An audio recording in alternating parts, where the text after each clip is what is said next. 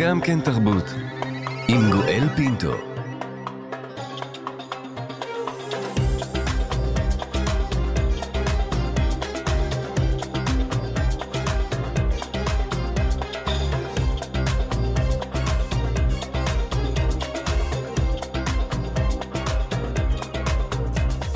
שלום שלום לכולכם, תודה שהצטרפתם אלינו לגם כן תרבות, מגזין התרבות של ישראל.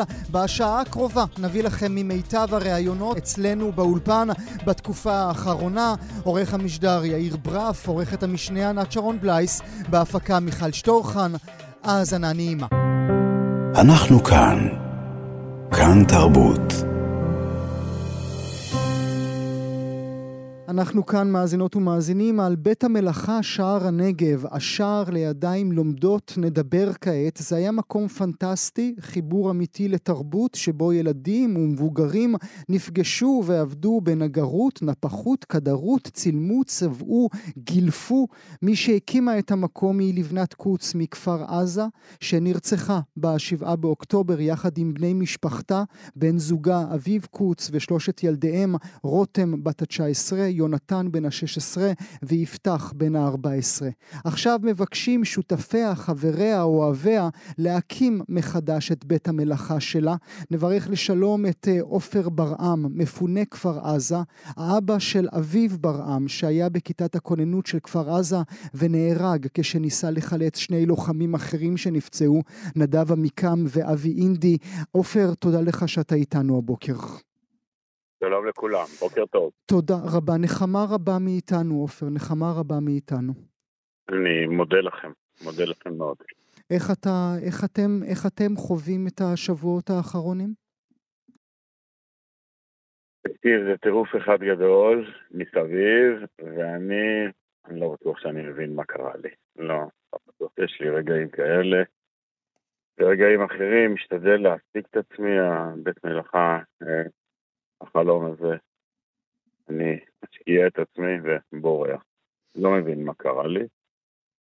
כשמדברים אז אני מתכנס ובוכה, כמו עכשיו, וזהו. אנחנו כל כך מצטערים, אנחנו כל כך מצטערים שאתם, אה, שאתם ומשפחות רבות, יותר מדי משפחות, אה, חוו את האסון הכל כך אה, גדול הזה. אתה מדבר עם מישהו, עופר? כן, התחלתי, אני נפגע פעולות איבה, הייתי ממונה על הקרן לנפגעי טרור של הסוכנות היהודית, אני נפגעתי בזמן שרצתי בין משפחות לסייע עם הקרן, ואני מאותו זמן מוגדר כנפגע. אז יש לי מטפלת אה, שטיפלה בי לפני הרבה שנים, ו... לא, לא, לא פשוט, זה לא... זה לא עניין של טיפול, זה כנראה משהו שצריך ללמוד לחיות איתו, לצידו, לא יודע. לא יודע להסביר.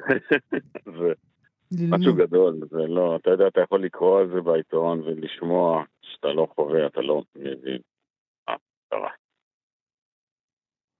ללמוד אה, לחיות לצד הכל כך, הכאב הכל כך גדול, ובני המשפחה האחרים, עופר, אם מותר לי לשאול, איך הם מתמודדים? קשה לכולם ברמות. כל אחד, אני לא רוצה אה, לרדת, אבל חלי, אשתו של אביב, אה, פסיכולוגית קלינית, יש לה כוחות מיוחדים, והיא ישר הוציאה את הילדים מהמתחם, זה היה מאוד מאוד קשה, המתחם במלון.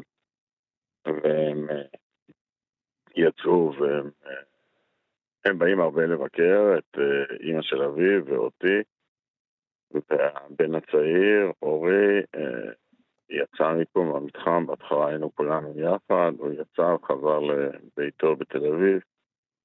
מנסה להרים את עצמו, לא פשוט. אה, הם אחים די צמודים בגיל, אורי ואביו. קשה להורים מאוד.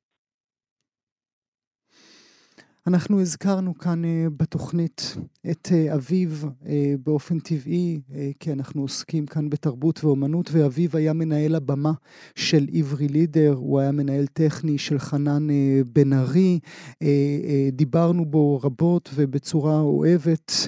העובדה שהוא היה חלק מעולם התרבות והאומנות הייתה, הוסיפה רוח אחרת לחיים שלו בעיניך? אה, כן, אתה יודע, הוא היה חי את העולם של התרבות וחי את החיים הקיבוציים. זאת אומרת, הוא לא חי בתל אביב, אתה מבין? זה כאילו מאוד אביב להיות חלק מהבוהמה, so called, אבל בכל זאת לחיות בכפר עזה על הגדר אה, ולהרגיש אה, עם החברים עם הקיבוץ שהוא גדל בו. אה, זה אביב, זה אביב, איש של אה, אנשים בכל מקום שהוא נגע. הוא היה דומיננטי בכל מקום. דומיננטי ואהוב. עשית לעצמך קעקוע חדש? עשינו. לאביבי גסה בתאילנד קעקוע לבוהן, וזה השתפשף. הוא החליט עם חלי לעשות קעקוע. כמו שאנחנו מבינים, כבר לא נשאר לעשות עם מי. אז חלי הרימה רעיון מדהים, והגיעו מקרקעים מקסימים בהתנדבות, וכי את המשפחה, חברים, וסתם כאלה ששמעו. יש היום כמאה אנשים שהולכים עם קעקוע של סמיילי. לי יש על היד, הוא מחייך אליי. הבייבי שלי. והוא מחייך אליי כל הזמן.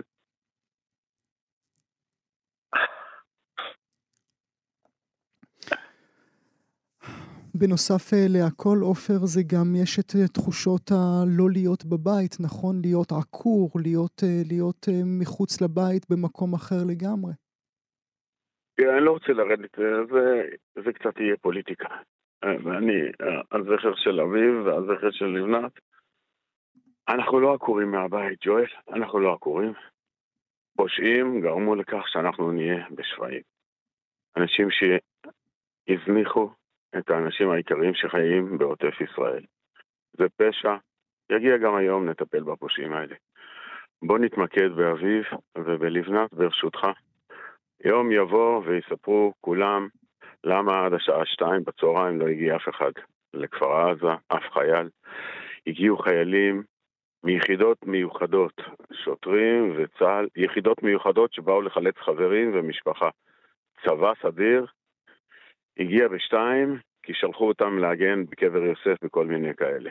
זה עובדות, ובוא נשחרר, נחזור לעיקרים שלך ושלי, ברשותך.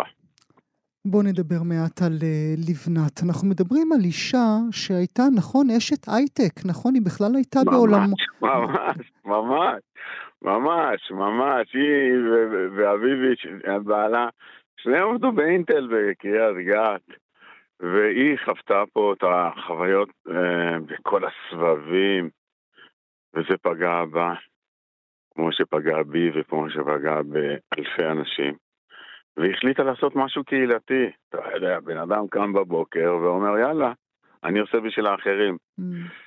ונדבק לה החיידק הזה, והיא רצה מחברה לחברה, מאדם לאדם, וקיבלה דרך המתנ"ס, קיבלנו קומה בבית ספר. תעלה לשם, ג'ואל, אתה לא תאמין. הכל! הכל. יש שם ערוגות עליות שעשיתי לגננים. יש שם אה, פינת נגרות, אחר כך זה כבר אחרים שעשו שם כדרות, ועשו תפירה, ועשו צילום, ועשו ציור, ותגיד משהו שאתה חושב שיכול להיות תרפיה לאנשים, שהיא לא הכניסה הגברת הזה בפנים. זה... זה היה מגנט uh, של אנשים טובים, וככה גם אני, היא תפסה אותי יום אחד, היא חיזרה אחריי הרבה זמן. אמרתי, יאללה עופר, בוא כבר. וככה. זה הפך לחממה, נכון? שם התחבקתם כולכם, שם הייתם ביחד. כן, אנחנו בבוקר עם ילדים, אחר צהריים עם נוער, ובערב הגיעו מבוגרים לעבור סדנאות. סדנאות קריאה וסדנאות כתיבה, וערבים חברתיים עם מוזיקאים, בחוץ היה על המרפסת היה דשא סינתטי ופאב כזה. משהו, אין, לא, לא מייצרים דברים כאלה, והאלופה הזאת ניצחה על התזמורת, היינו כולנו, כל הצוות, הלכנו עבריים אחריה. מה הדבר האחרון שעשית, אתה זוכר? שם? במדויק. כן. היו צריכים ביום המשנה, יש במתחם אה, שני בתי ספר יסודיים. אחד חדש, אחד ישן, והחדש, אה, החלטנו שאנחנו עושים גם שם נגרות. ולא נחתי כל הסוכות, באתי בוקר בוקר. אמר לי, עופר, זה חופש. אמרתי לי, אבל צריכים ביום ראשון להתחיל אה, את פינת הגינון בבית ספר החדש. עשיתי שם ארבע ערוגות עיליות עם עצים, והיו צריכים, אה, המורה לנגרות היה צריך ביום ראשון, אחרי שמחת תורה, להתחיל ולגנן שם עם הילדים. זהו, נשאר שם יתום בין העצים, מסגרות העץ, שד יודע מתי יחזרו לשם. ו, ו, ולא יודע, אתה יודע, לפעמים הכוכבים מסתדרים, לפעמים לא. ויום אחד בחדר אוכל בשפיים ניגש אליי מישהו משפעים ואומר, שמעתי שאתה מתעסק בעץ וזהו. אמרתי לו, כן, אני מורה ועושה קצת אומנות בעץ. אז הוא אמר לי, בוא איתי. וצעדנו בקיבוץ, בצד השני של הקיבוץ, ראינו איזה מתחם ענק, פרוץ. הוא אמר לי, פעם היה כאן המוסך שלנו. רוצה? אמרתי לו, מה? הוא אומר לי, רוצה את המתחם הזה, אין בו אף אחד. אתה יודע, חצי קירות שבורים, וכלום, אין תאורה, אין כלום. וככה לאט לאט, הקיבוץ היקר הזה, קיבוץ שפיים, השקיע שם כ... בערך 50 אלף שקל רק בלהעמיד את המבנה. אנחנו גומרים להעמיד את המבנה, ומגיעות חברות, אני ש... שאני לא אפספס, מקיטה, ובוש, וזקמן, ווארט, וסיגמנט. אתה יודע, וכל אחד מוריד לנו כלים. ועשה באז, מוריד כלים, לא, ג'ואל לא ב-20 שקל, לא ב-200 שקל, ב-20-30 אלף שקל כלים. 40 אלף שקל כלים חדשים מהניילון פורקים. אספר לך סיפור על איש אחד, הוא בא, נעמד עם טנדר, לא שמעתי עליו, לא ראיתי אותו עומד, הוא אומר, שמעתי. פותח את הדלת, מוציא לנו מסור שולחן. בסדר גודל שאני חושב 15-18 אלף שקל. הוא אומר כך, אני אומר מה כך? הוא אומר, אני עובד עם זה פעמיים בשנה, אצלך זה יותר חשוב, ומוריד.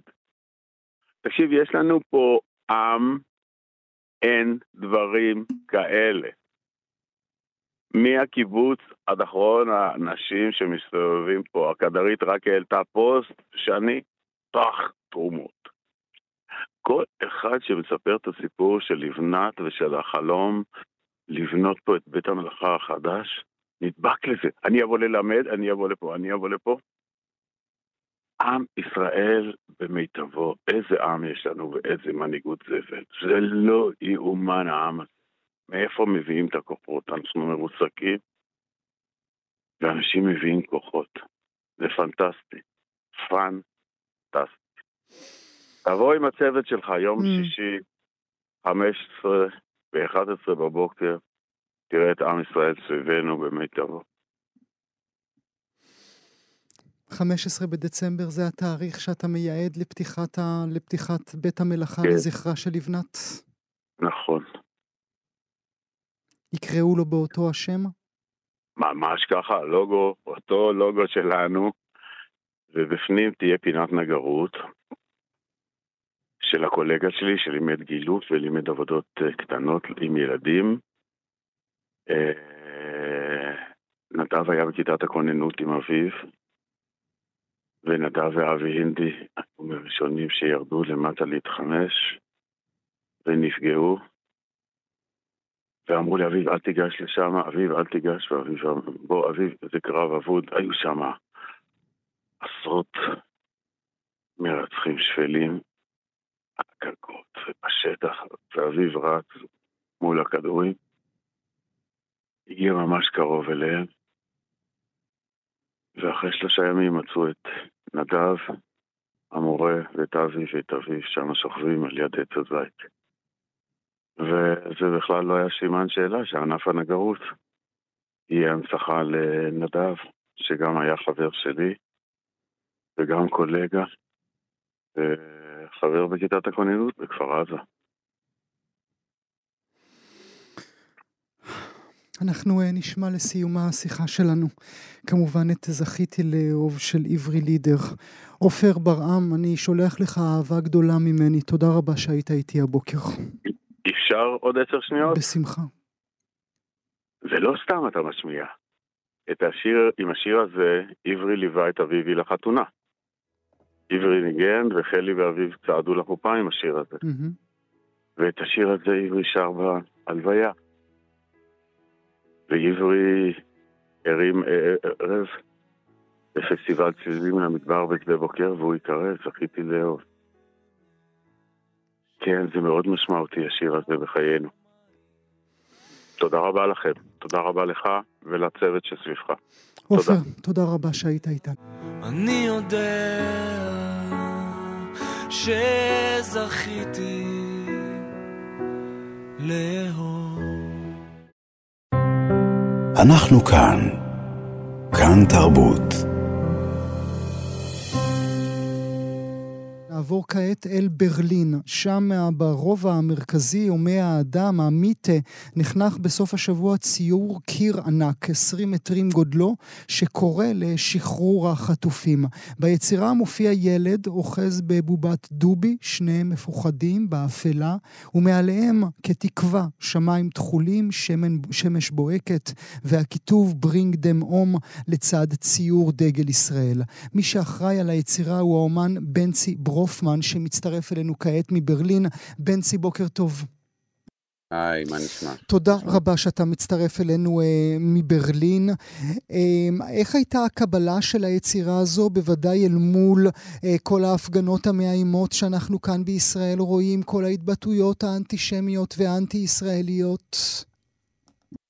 אה, קודם כל, תמיד יש איזשהו חשש אה, כשמגיעים לארץ אה, זרה, אם זה ברלין, אם קודם לכן עשיתי פרויקט בלונדון, יש תמיד חשש, כי, אה, כי המחשבה היא כאילו, נניח מתוך 20 עוברי אורח, אז יכול להיות אחד שיכול לתקשר בצורה עוינת, או אפילו mm-hmm. יותר מכך. Mm-hmm. האמת שלא קרה כזה דבר, ולא לא בזמן אמת, הייתה הפגנה למען החטופים ונגד אלימות נגד נשים. ולא קרה משהו אה, בדומה לזה. והכל עבר חלק, אה, ומקווה שהציור אה, לא ייפגע בהמשך. כשתצא, כשתצא הבוקר מן החדר ותלך לבדוק שוב את הציור, הוא נמצא במיטה דרך אגב, מאזינות ומאזינים, אין לך את, ה, את החשש בצעדים האלה לומר אולי מישהו לכלך אותו, אולי מישהו צייר עליו, אולי מישהו העביר מסרים דרכו אחרים או הפוכים לאלה שאתה מנסה להעביר? קודם כל ב street art באמת אה, הכל יכול לקרות, mm. גם שזה בניין 20 אה, מטר, אה, זה נדמה שאי אפשר להרוס כי זה ממש גבוה, אז הכל יכול לקרות ב street art ויש דרכים להרוס גם דברים כאלה גדולים.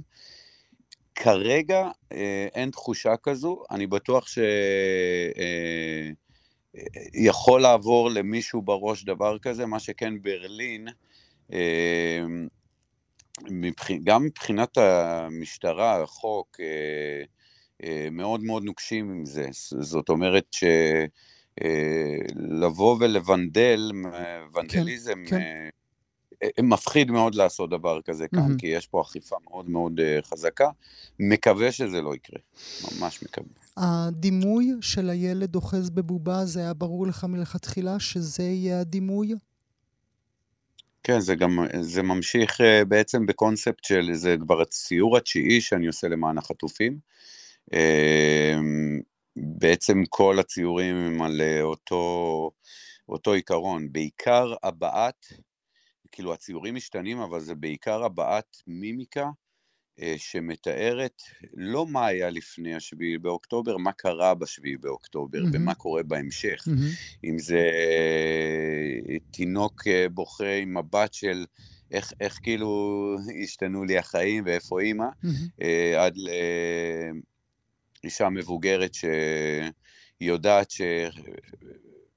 היא, היא, כאילו, היא, היא מבינה ש, שחצי מהמשפחה שלה נרצחה, והיא עצמה בשבי. זאת אומרת שזה הקשה ביותר, כי זה הקשה ביותר. למה יצאת לדרך? מדוע החלטת לאתר את אה, קירות העולם ביצירות שצועקות את ה-Bring them home? אה, קודם כל זה התחיל בישראל, והגעתי למסקנה שחוץ מלצייר נרצחים, שזה משהו שעשיתי בערב, בעצם אה, קצת אחרי אה, השביעי, היציאה מההלם הראשוני, אה, מאז השביעי באוקטובר, הבנתי שאני חייב לתמוך במשפחות החטופים.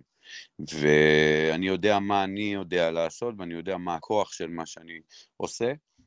זה הכל התחיל כתמיכה, ומהר מאוד הבנתי שזה ממש לא רק תמיכה, שזו שליחות ממש. שזו הסברה לכל דבר, בגלל. זה בעצם הגעתי לחו"ל בשיתוף השגרירויות כדי להגיד את זה בחו"ל, להגיד את זה, חבר'ה, כאילו, זה, זה רחוק מכם, אז, אז אנחנו נתקרב, כי אה. אה, אתם צריכים לדעת מזה. יפה, זה רחוק מכם, אז אנחנו נתקרב. זה משפט שאני אקח איתי, בנצי. זה משפט שאני, זה משפט שאני אקח איתי. אה, היית שם, נכון? בשבעה באוקטובר? היית באזורים האלה? אני הייתי בשישי לאוקטובר, אה, בעצם אה, חניון רעים, המסיבה התחילה ביום חמישי, בחמישי לאוקטובר, חמישי-שישי הייתה הפקה, ואז הנובה, אה, מה שהיום ב- כל אחד מכיר גם בארץ וגם בעולם, הפקה מדהימה, הם התחילו את המסיבה אה, אחר הצהריים בשישי. ביום שישי, בשישי לעשירי ביום שישי והמשיכו לשביעי. אה, אני עזבתי בשישי לעשירי, מהמם. ביום שישי בצהריים, כשהכל היה מדהים, האזור היה אין פסטורלי ושקט ונעים ממה שהרגשתי עד, עד, אה, עד הבוקר אה, הנוראי. הכרת שם אנשים. בנצי? אה, כן, גם הכרתי אנשים, גם תוך כדי הציור שציירתי ב live, בעצם ציירתי בפסטיבל ב live, לא... אה, ממש הופעתי שם. אה, אנשים שראיתי, אנשים שדקה 90 ככה תקשרו איתי, אה, או עזרו לי ממש ביציאה משם. אה, אני ממש חייב לציין את לירון ברדה, זיכרונה לברכה, שעבדה שם ב, באזור הבר, וממש כמה, עזרה לי לצאת מה... לצאת אל הרכב, אתה יודע, יום לפני. בקטע, בקטע לוגיסטי לגמרי, ויום למחרת אה, היא המשיכה עם העזרה. אני חייב לציין את זה, כי היא, היא, היא מה, מהחבר'ה שהיו בזמן הטבח, ש, שהיה להם את היכולת לעזור מבחינה רפואית, והם נשארו בשטח בחפ"ק כדי לעזור, יש גם תמונה כזו, ו, ו, והיא נרצחה. כמה טובות וטובים כאלה אנחנו איבדנו. איך אתה בוחר את הקירות שלך, בנצי? אה, קודם כל זה העניין של אה, אזור traffic. אה, המטרה היא שכמה שיותר אנשים ייחשפו לזה, וזה לא יהיה מינימום אלא מקסימום. אז למשל הפרויקט בלונדון, אז כל הבחירות במקומות מאוד מאוד מוכרים, קמדן מרקט, כאילו, מי שמכיר זה מהמם. מקום לא צריך יותר אדם. מזה, כן. שורדיץ', ממלכת הגרפיטי, יש שם ציור כאילו אה, קשוח מאוד בשכונה הכי סטריטית, הכי אומנות, אה, וגם אגב, לרגעים אה, שם קצת הכי חששתי, וליק סטריט טאנל, כי מה, שזה... כי מה, למה שם חששת? תגיד לי מילה, בנצי. כי יש שם הרבה כתובות פרי פלסטיין וכדומה. Mm, אוקיי. אז, וחשבת אז ש... באתי, חשבת באתי נראה לך או לציור? אז, אז כן, אז, אז ל- כשאת, כשאתה רואה מסביב אה, אה, מלא כתובות גרפיטי פרי פלסטיין וכל מיני אה, כתובות נוספות שקשורות לנגד ישראל. Mm-hmm. ואז אני מגיע ל, ללב הדבר הזה ועושה משהו שבסופו של דבר אני מצייר אה, אה, דגל ישראל. Mm-hmm, כשזה כן. מגיע לדגל ישראל, זהו, אתה בא ואומר כאילו כן. את האמירה הסוף. כי זה לא רק ילד אוחז בדובי, זה לא רק אם אוחזת בתינוק, זה גם הדגל אה, שהופך את הכל למשמעותי מאוד. הדגל הופך את הכל, אבל אה, עם ליווי של השגרירויות, אה, אשתף אותך שהייתה עליי הבטחה mm. ברמה הזו, ליתר ביטחון. אה, זאת אומרת, היו, אה, היו כמה ז'לובים סביבך בשעה שציירת? איך אומרים, כשאתה מביא את הטוב, היה ז'לוב אחד שהסתכל ימין שמאלה, גם בברלין וגם בישראל, והמתנדבים ואני ממשיך, המתנדבים, אם זה, אם זה הצוותים שהשגרירויות אה, אה, הביאו לי, והמתנדבים בקהילה, גם בברלין וגם בישראל, המון המון מתנדבים באו, הלכו, כאלה שנשארו רצוף כל הזמן, היו איתי, גם ברמה הלוגיסטית, גם ברמה הבטיחותית, גם ברמה הנפשית. עכשיו, כאילו, אני, אני בא לא לגרפיטי הרגיל שלי בלונדון mm-hmm. או ב... מדינה אחרת, מה שהיה לפני השביעי, אני בא כאילו עם, או, עם כאילו פוסט-טראומה, אה, מועקה, אה, אה, פחד מישראל, בחו"ל, ו, ו, אבל, אבל איך אומרים? ננצח ביחד, ביחד ננצח. ביחד ננצח, יחד עם הז'לובים. תגיד לי, בנצי, למדת אומנות? לא, מעולם לא למדתי. אה, מעולם לא קיבלו אותי, גם נגיד במסגרות, במסגרות היותר צעירות לא קיבלו אותי לאומנות, ואתה יודע, בדיעבד, גואל, טוב שכך, איזה מזל. זו מתנה, מתנה לפעמים, לק... אין כזה דבר, אני, אני אגיד את זה בגדול עכשיו לכולם, אין בחיים דבר כזה לא. לא הוא כביכול לא, הוא דבר זמני. הלא הזה הוא אחד הקנים הכי גדולים שבן אדם יכול לקבל. זה עניין של תהליך וזמן, וכשמוצאים ופוגשים את הקן הזה, שבא מהלא, זה הקן הכי מדויק והכי גדול שבן אדם יכול לקבל בחיים. מה, לאן לקחת את הדבר הזה? אישי, מדינתי, קיומי, יהודי, ישראלי, עולמי, כל אחד שיקח לאן שהוא רוצה. יש קיר שאתה חולם עליו? יש קיר אחד שעליו אתה רוצה לשים את המברשת שלך? לא, יש, יש משהו אחר שאני חולם עליו.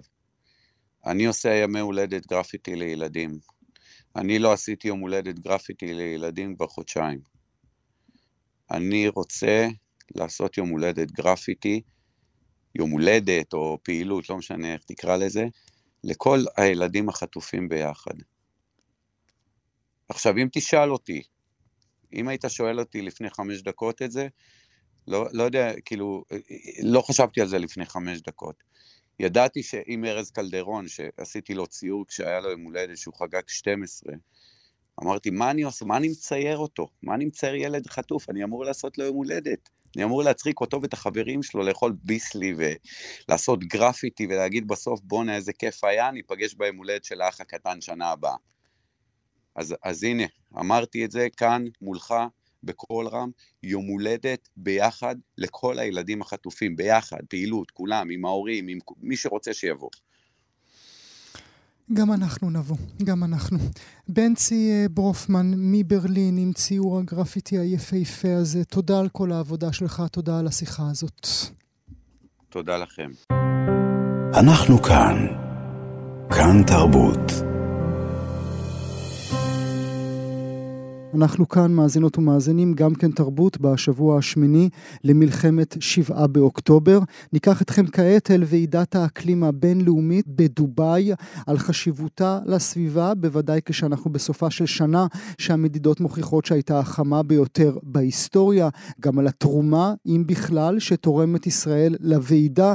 רק נגיד, ישראל תכננה להטיס לוועידה הזו משלחת ענק, גם נתניהו אמור היה להשתתף בה, אבל המלחמה צמצמה את המשלחת. רק הנשיא הרצוג וכמה עשרות נוספים יגיעו לשם. נברך לשלום את כתבת האקלים והסביבה של כלכליסט, שני אשכנזי. שלום שני.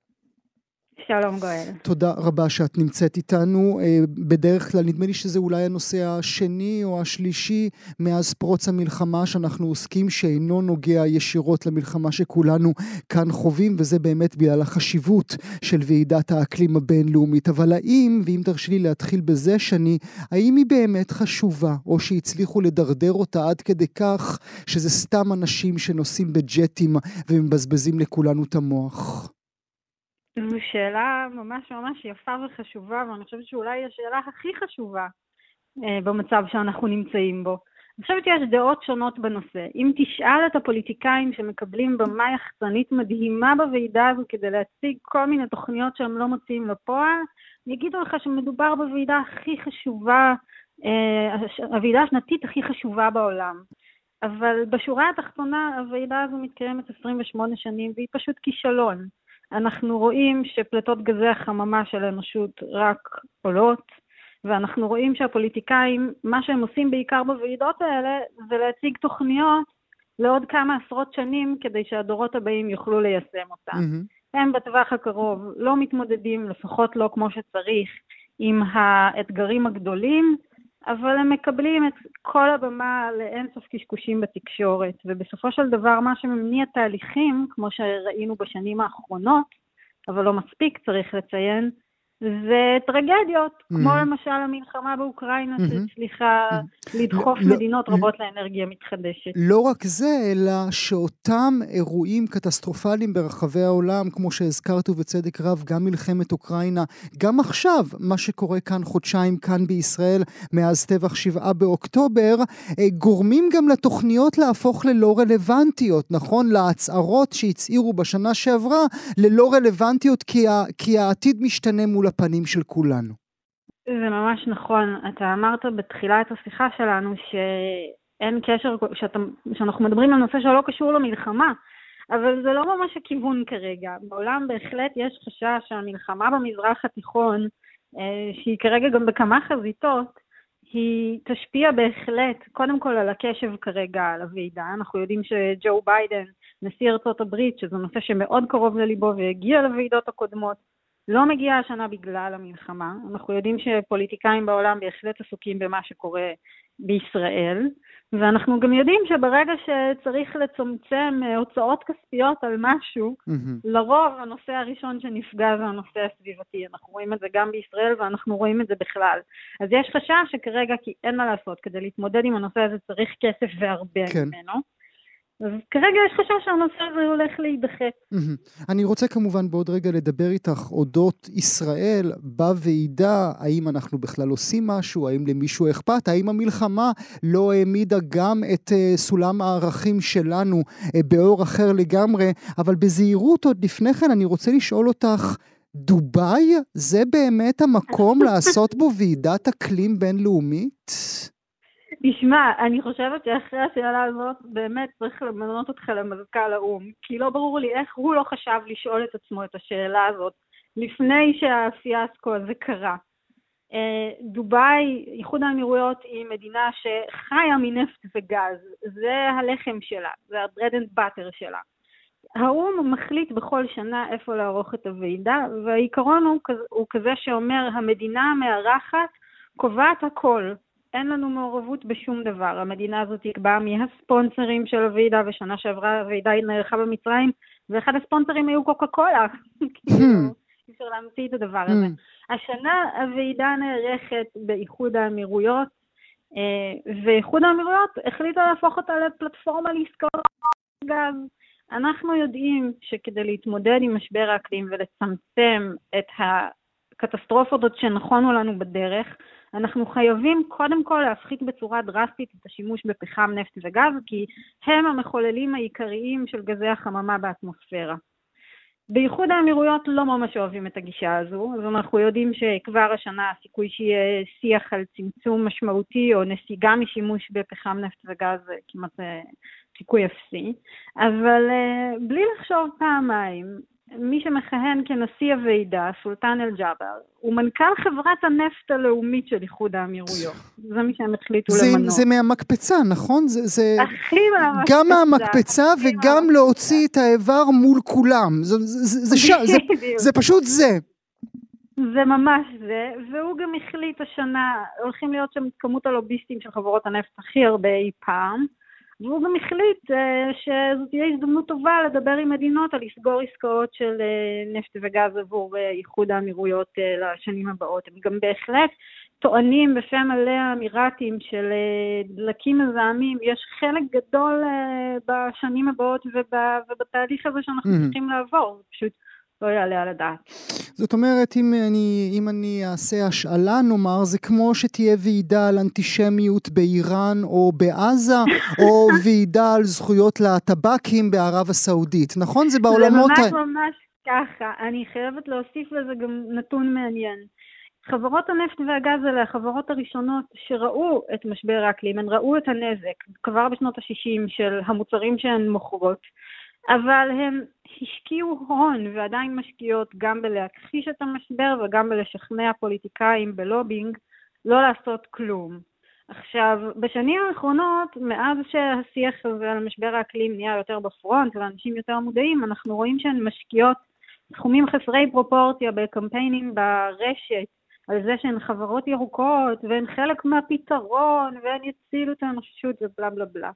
ובסופו של דבר, בנתונים היבשים, אה, כפי שהם משתקפים, אה, החברות האלה הן ממש ממש רחוקות מלהיות חלק מהפתרון. Mm-hmm. הן משקיעות בקושי 2.5% מהוצאות ההון שלהן על אנרגיה מתחדשת, והן אחראיות רק לאחוז מסך ההשקעה באנרגיה נקייה בעולם. אז הן בעיקר מחבלות, והן בעיקר הולכות ממש mm-hmm. לשלוט בשיחות שיהיו בשבועיים הקרובים בוועידת האקלים, שנזכיר שהוועידה הזו זו ועידה שכל שנה יוצא ממנה הסכם אקלים, כן. שהמדינות uh, מחויבות uh, לקיים, ומסרטט את הדרך קדימה לפעולה עולמית בנושא. אבל מעניין לשאול, זה, יישמע קטנוני, ואני מקווה שלא תתפסי את זה ככזה, אני תוהה אם מישהו עוד מקשיב אה, לנאמני הסביבה, אחרי שכולנו רואות ורואים שגרטה טונברג אה, מרושעת במקרה הטוב, ולא מאוד חכמה במקרה הרע. אה, זה נכון. אני לא, תראה, אני לא יודעת מי זה מישהו. זה נכון שבישראל אנחנו כרגע מסתכלים על טונברג ואנחנו נחרדים לחלוטין ובצדק, אבל אה, אולי צריך לומר דבר כזה. זה שאנחנו מתים מזיהום אוויר ופליטות גזי חממה מובילים לאסונות אקלים איומים בכל העולם משנה לשנה, זה לא קשור לגרטה טונברג. כן. היא נציגה, היא, אפשר לומר, הייתה, אה, הייתה נציגה של הפתרון ושל הבעיה, נציגה, אפשר להגיד, מאוד נאמנה ועשתה עבודה מצוינת כנערה אה, או כילדה. אה, ויכול להיות שזו גם הסיבה שהקשיבו לה והיא הצליחה לסחוף אחרי הרבה מאוד אנשים. אבל וזה אבל גדול. יכול להיות שהזמן שלה בכלל תם בסיפור הזה. אני יכולה לומר לך שגם עוד לפני הסיפור בישראל, אני, אני לא בטוחה ש, שהיא כבר כל כך משמעותית בתוך העניין הזה של המאבק האקלימי. אני חושבת שהיא קצת מחפשת את עצמה והיא פשוט כבר, כבר לא שם, כבר לא... היא כבר לא הפרונט והיא כבר לא, לא, הסיפור הזה עבר אותה עבר מזמן, אותה, מעניין. הוא גדול ממנה בהרבה. אולי אה, נשאל ברשותך אה, לסיום, כמו שהזכרתי בתחילת דבריי, וזה צריך לומר אפרופו כתבה מצוינת שאת העלית, שאת העלית אה, בכלכליסט, ישראל תכננה להטיס לוועידה משלחת ענק, זה לא יקרה, מלחמה, הנשיא הרצוג יהיו שם, עוד כמה עשרות אה, נוספים. אה, מה המקום של אה, משרד, יש לנו משרד, נכון? יש לנו משרד סביבה. מה שלום השרה שלנו? זה, זה, זה בכלל על השולחן הדברים האלה?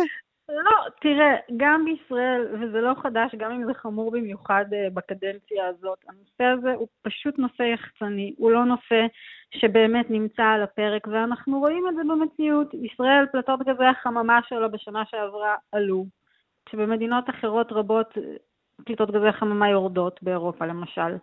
ישראל לא עומדת באף אחד מהיעדים שהיא הציבה לעצמה, והיא בינתיים רק הולכת אחורה. אנחנו אפילו לא מצליחים לייצר עשרה אחוזים מהחשמל שלנו באנרגיה נקייה. אמ, אני יכולה לומר שמבקר המדינה היה אמור לפרסם חודש דוח אה, שלפי מה שאני מבינה הוא היה אמור להיות די מזעזע על כמה שהנושא הזה הוא נושא שישראל לא סופרת אותו, אבל בגלל המלחמה זה נדחה. אה, היו אמורים להעביר חוק אקלים לקראת הוועידה, וזה היה חוק אקלים ריק, חסר משמעות, שלא ברור בכלל שתהיה בו איזושהי תועלת, אבל גם זה ירד מהפרק. כרגע, ו- וכמו שאני מזכירה לך שכשהממשלה הזו נכנסה, הדבר הראשון שהיה הכי דחוף לה לעשות, זה לבטל את המס על הכלים כן. החד פעמיים. כן. אז אני לא הייתי מצפה לגדולות, ובכל זאת היא תכננה, למרות שהיא פשוט לא עושה שום דבר בכלום בנושא הזה, תכננה להטיס את המשלחת הגדולה אי פעם עם 11 שרים, ראש ממשלה, נשיא לוועידה הזו. אז זה לא קורה עכשיו, מהמם. אבל גם הרצוג, בכל הכבוד, הוא הקים ב- לפני שנה, הוא הקים פורום אקלים נשיאותי מהמם. גם לפורום הזה אני לא מכירה שום הישגים שלו, ועכשיו הוא הולך לעמוד על בימת האו"ם ביום שישי הקרוב, ולהגיד מה. מה הוא הולך לומר כשהוא נואם בשורה אחת עם מקרון ועם עוד אינסוף מנהיגים של המדינות שלהם? יש, יש מה לספר, מהמם. יש, יש, יש במה להתגאות. מהמם. מה יגיד הרצוג? המוח היהודי ימציא לנו פטנטים, כמו שניסו לומר בשנתיים כנראה, האחרונות? כנראה, כן. זה הקו המוביל. כן. אנחנו נמציא לעולם פטנטים שיגאלו אתכם ממשבר האקלים, בזמן שישראל כמעט לא משקיעה. כלום גם בסטארט-אפים של climate tech. מעניין, מעניין. אה, שני אשכנזי, תודה רבה על עבודת הקודש שלך, גם על השיחה הזאת. תודה שהיית איתי הבוקר. תודה רבה לך. אנחנו כאן. כאן תרבות. אנחנו כאן מאזינות ומאזינים גם כן תרבות בשבוע השמיני למלחמת שבעה באוקטובר. ביום שנולדתי שחור הוא גם היום שבו נולדתי הומו. המשפט היפהפה הזה הוא מתוך רסטין, סרט עלילתי חדש שעלה בנטפליקס. מפיקיו הם הנשיא ברק אובמה ורעייתו, שמספר לנו את סיפורו האמיתי של אחד מהפעילים החשובים בהיסטוריה השחורה של אמריקה, ביארד רסטין.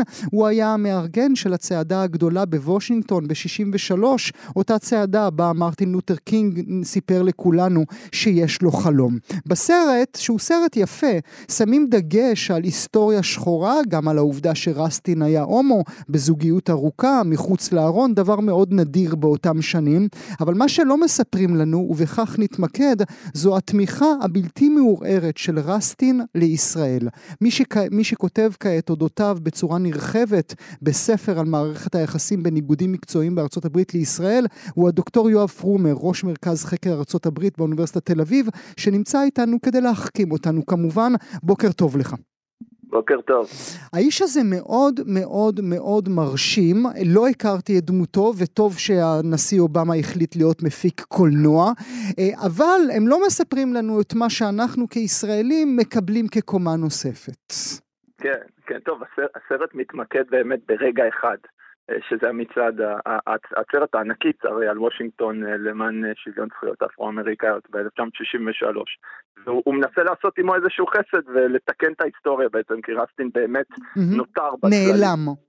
כן, ובכ- ובכוונה, בגלל באמת הזהות המינית שלו, גם בתוך ההיסטוריה האפרו-אמריקאית ובהיסטוריה האמריקאית הרחבה, הוא תמיד היה אה, אה, מא- מאחורי הקלעים, אה, גם בהיסטוריה וגם בתרבות האמריקאית, ואני חושב שהסרט הזה, כמו, הרי זה גם, אנחנו רואים את זה בשנים האחרונות שהוליווד בעצם מנסה לכפר מהמם. על, על האמניזיה שלה, על השכחה שלה, אז היא באמת מנסה להחזיר את האור הזרקורים ההיסטורי לכל מיני דמויות נשכחות, אז רסטין בהחלט מגיע לו את הכבוד הזה. הוא היה המוח והארכיטקט של, ה, של הצעדה המאוד מפורסמת, שבשיאה הרי מרטין לותר קינג נושא את הנאום המפורסם שלו, I have a dream. אה, אז זה הכל בעצם רסטין, והוא הוא תכנן את זה, הוא הגה את זה, אז אז זה- הסרט הרי מתמקד רק באפיזודה הזאת אה, של החיים שלו. אבל כמו שאתה אומר, יש לו הרבה מאוד רבדים מאוד מעניינים, בטח רלוונטיים למה שקורה היום, ביחסים של השמאל האמריקאי, של. האפרו-אמריקאים לישראל. אה, אתה יודע מה, אתה מרשה לי לעצור אותך כבר? אתה מרשה לי. לעצור אותך כבר? כי אני רוצה להראות, לה- לה- להשמיע למאזינות והמאזינים שלנו עד כמה אתה צודק. עד כמה אה, רסטין רלוונטי היום למה שקורה ברגע הזה בו אנחנו מדברות ומדברים. הנה, האזינו לא לסרט, לאיש האמיתי, לאיש האמיתי שמדבר על שחורים ולבנים, והשליכו את זה כאן, עלינו. The problem can never be stated in terms of black and white. And any movement which begins by blotting out the active cooperation of the best minds, many of which are white as well as black, is fighting a losing battle. שמעתם אה, מאזינות ומאזינים, הבעיה לא יכולה להיגמר אה, בהבדלים בין שחורים ללבנים, אמר אה, רסטין, וכל תנועה שחוסמת אנשים בעלי שיער, חוסמת אנשים רק כי הם לבנים, זאת בעיה מאוד גדולה. נכון? זה מדבר את הרגע עצמו, הדוקטור פרומר. זה, זה ציטוט נהדר.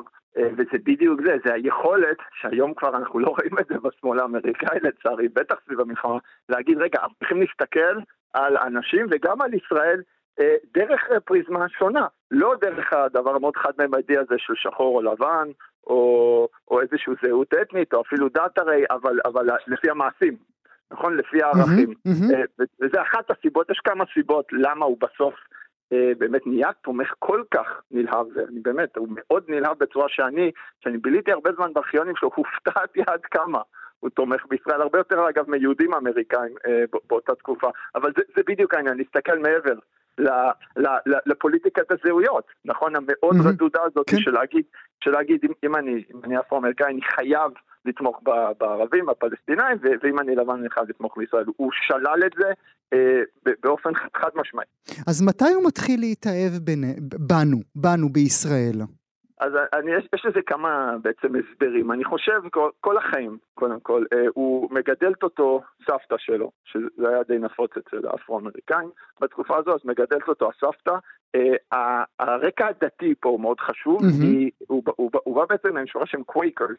הקווייקרים אה, זה לא בדיוק אוונגליסטים שאנחנו מכירים, זה משהו קצת שונה, אבל, אבל שמה כבר אצלה, אה, אצל הקשר המאוד דתי הח- החשוב שלו לברית הישנה, כלומר בתנ"ך מהמם. היהודי, כבר יש כבר את, ה, את הקשר הזה בין אפרו-אמריקאים לישראל כשני עמים אה, מדוכאים, שני עמים ש, ש, שזקוקים לחירות, נכון? מהמם. וזה קשר מאוד היסטורי שהאפרו-אמריקאים ראו את עצמם כישראל, אה, כיהודים בעצם, ואז יש את הקשר הדתי. אחרי 67 זה ממש אבל הופך עבורו לאחד מהדברים העיקריים שמעסיקים אותו, אה, התמיכה בישראל, אה, ולזה בנוסף לעניינים האישיים והדתיים שדיברתי עליהם, מהמם. יש כמה הסברים, קודם כל פוליטיקה פנים אמריקאית, זה מאוד חשוב. זה הרגע שיש, קודם כל, הקרע הנורא, שעד היום לצערי נמשך בין יהדות ארצות הברית לאפרו-אמריקאים, כן. שהיו הרי בני ברית לאורך מהמם. כל העשורים לפני כן, יש את הקרע הזה.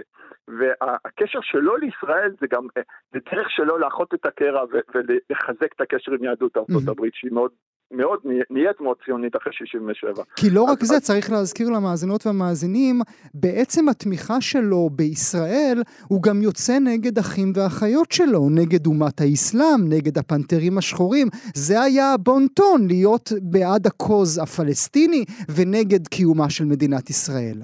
אז זה- בדיוק, אז זה העניין השני. יהיה, אנחנו, הסרט קצת מתייחס לזה, אבל אנחנו, אנחנו שוכחים, יש אה, פערים ומחלוקות מאוד גדולות בתוך התנועה לשוויון זכויות האפרו-אמריקאיות בשנות ה-60 וה-70 הרי, ויש פיצולים מאוד חדים שם, הזכרת Nation of Islam, נכון שהם הם נוקטים עמדה מאוד אנטי-ישראלית, אנטי, אנטישמית אפילו, אה, וגם גופים אחרים, הפנתרים השחורים, מה שנקרא Black Power, סטוקלי קרמייקל, סניק, כל מיני מנהיגים וארגונים שנהיים מאוד אנטי-ישראל אחרי 67. אה, ופה רסטין לוקח גם את הקשר לישראל וליהדות ארצות הברית כעוד דרך בעצם גם, גם למקם את עצמו במפה הפוליטית הפנים האפרו-אמריקאית בארצות הברית. אז זה, זה סיבה נוספת. אה, והסיבה שאני בעצם אה, מצביע עליה בספר שלי, שזה גם אחד מהדברים היותר מעניינים, רסטין, בשבילו בסדר עדיפויות ומעל גזע או, או רקע אתני או דת היה, אה, אני חושב, זהות מעמדית. כבר לא מדברים מהמם. היום על, על איגודי מהמם. עובדים הרי. אה, אבל הוא היה סוציאליסט, הוא הגדיר את עצמו סוציאליסט, סוציאל דמוקרט, אה, והוא ראה בישראל כאיזושהי הגשמה של, אה, של חזון סוציאל דמוקרטי שהוא חלם על, עבור אמריקה. כלומר, ההסתדרות, עבור רסטין ההסתדרות הישראלית הייתה איזשהו מודל, היו לו. הרבה מאוד חברים Mm. בהסתדרות הישראלית, אה, ו- ו- וזה אחת הסיבות, אני חושב, הזהות המעמדית הזאת, Mm. כ-social justice, כצדק חברתי לעובדים בכל העולם. אבל הוא לא הפסיק את התמיכה שלו אה, אה, באהבה לגולדה, הוא המשיך אותה גם באהבה למנחם בגין. שזה מדהים, זה הדבר הכי מפתיע שאני גיליתי עליו, שזה בסדר, התמיכה בישראל אחרי 67, גולדה, מפא"י, זה, זה עוד אפשר לראות אצל האפרו-אמריקאים, יחסית די הרבה אפרו-אמריקאים אה, בממסד האפרו-אמריקאים שנות ה-60 וה-70. הוא אחד מהקולות הבודדים שלא רק קורא בשנות ה-70 למכור נשק, לישראל. ומדובר בפציפיסט, כן? שישב בכלא. שכחנו, הוא פציפיסט. שכחת להגיד, הוא לא, הוא לא, לא מגייסים את מלחמת העולם שנייה, כי הוא פציפיסט, כי הוא קווייקר, זה הזרם הדתי הזה שפציפיזם זה באמת אחד מהמאפיינים שלו. אה, ובדיוק, ואנשים לא מצליחים עד היום, אנשים לא מצליחים לעכל, גם הביוגרפים שלו, איך זה יכול להיות שבן אדם שהוא פציפיסט, שהוא מתנגד למלחמת וייטנאם למשל, עדיין קורה, והוא הוא, הוא מפרסם הודעה בניו יורק טיימס ב-1970, מאוד מעוררת מחלוקת, שהוא אומר, צריך לתת ישראל את כל הדרישות הצבאיות והמטוסי קרב שהיא דורשת. Mm. ואנשים לא האמינו, mm. כי, כי זה ברגע שגם הרבה יהודים אמריקאים עוד לא, עוד לא מוכנים ללכת לשם ולהגיד כאלה דברים.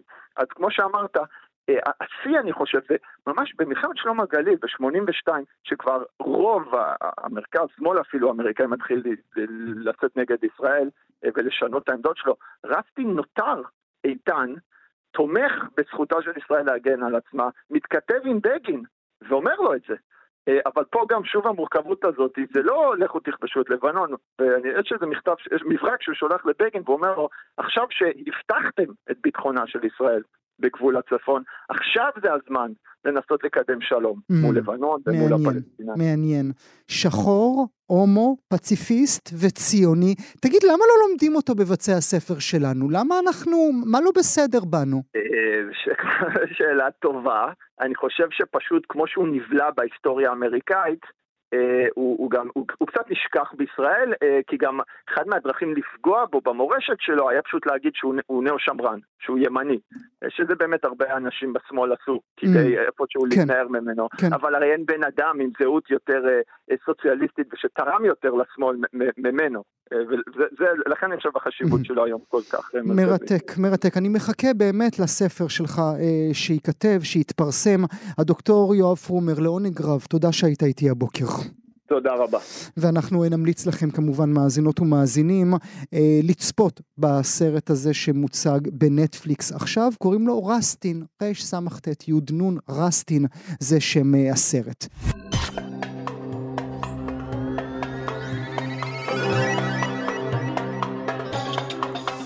זהו, הגענו לסיומה של שעה של המיטב מהראיונות באולפן גם כן תרבות. עורך המשדר יאיר ברף, עורכת המשנה ענת שרון בלייס, בהפקה מיכל שטורחן. תודה שהייתם איתנו, עד הפעם הבאה, להתראות.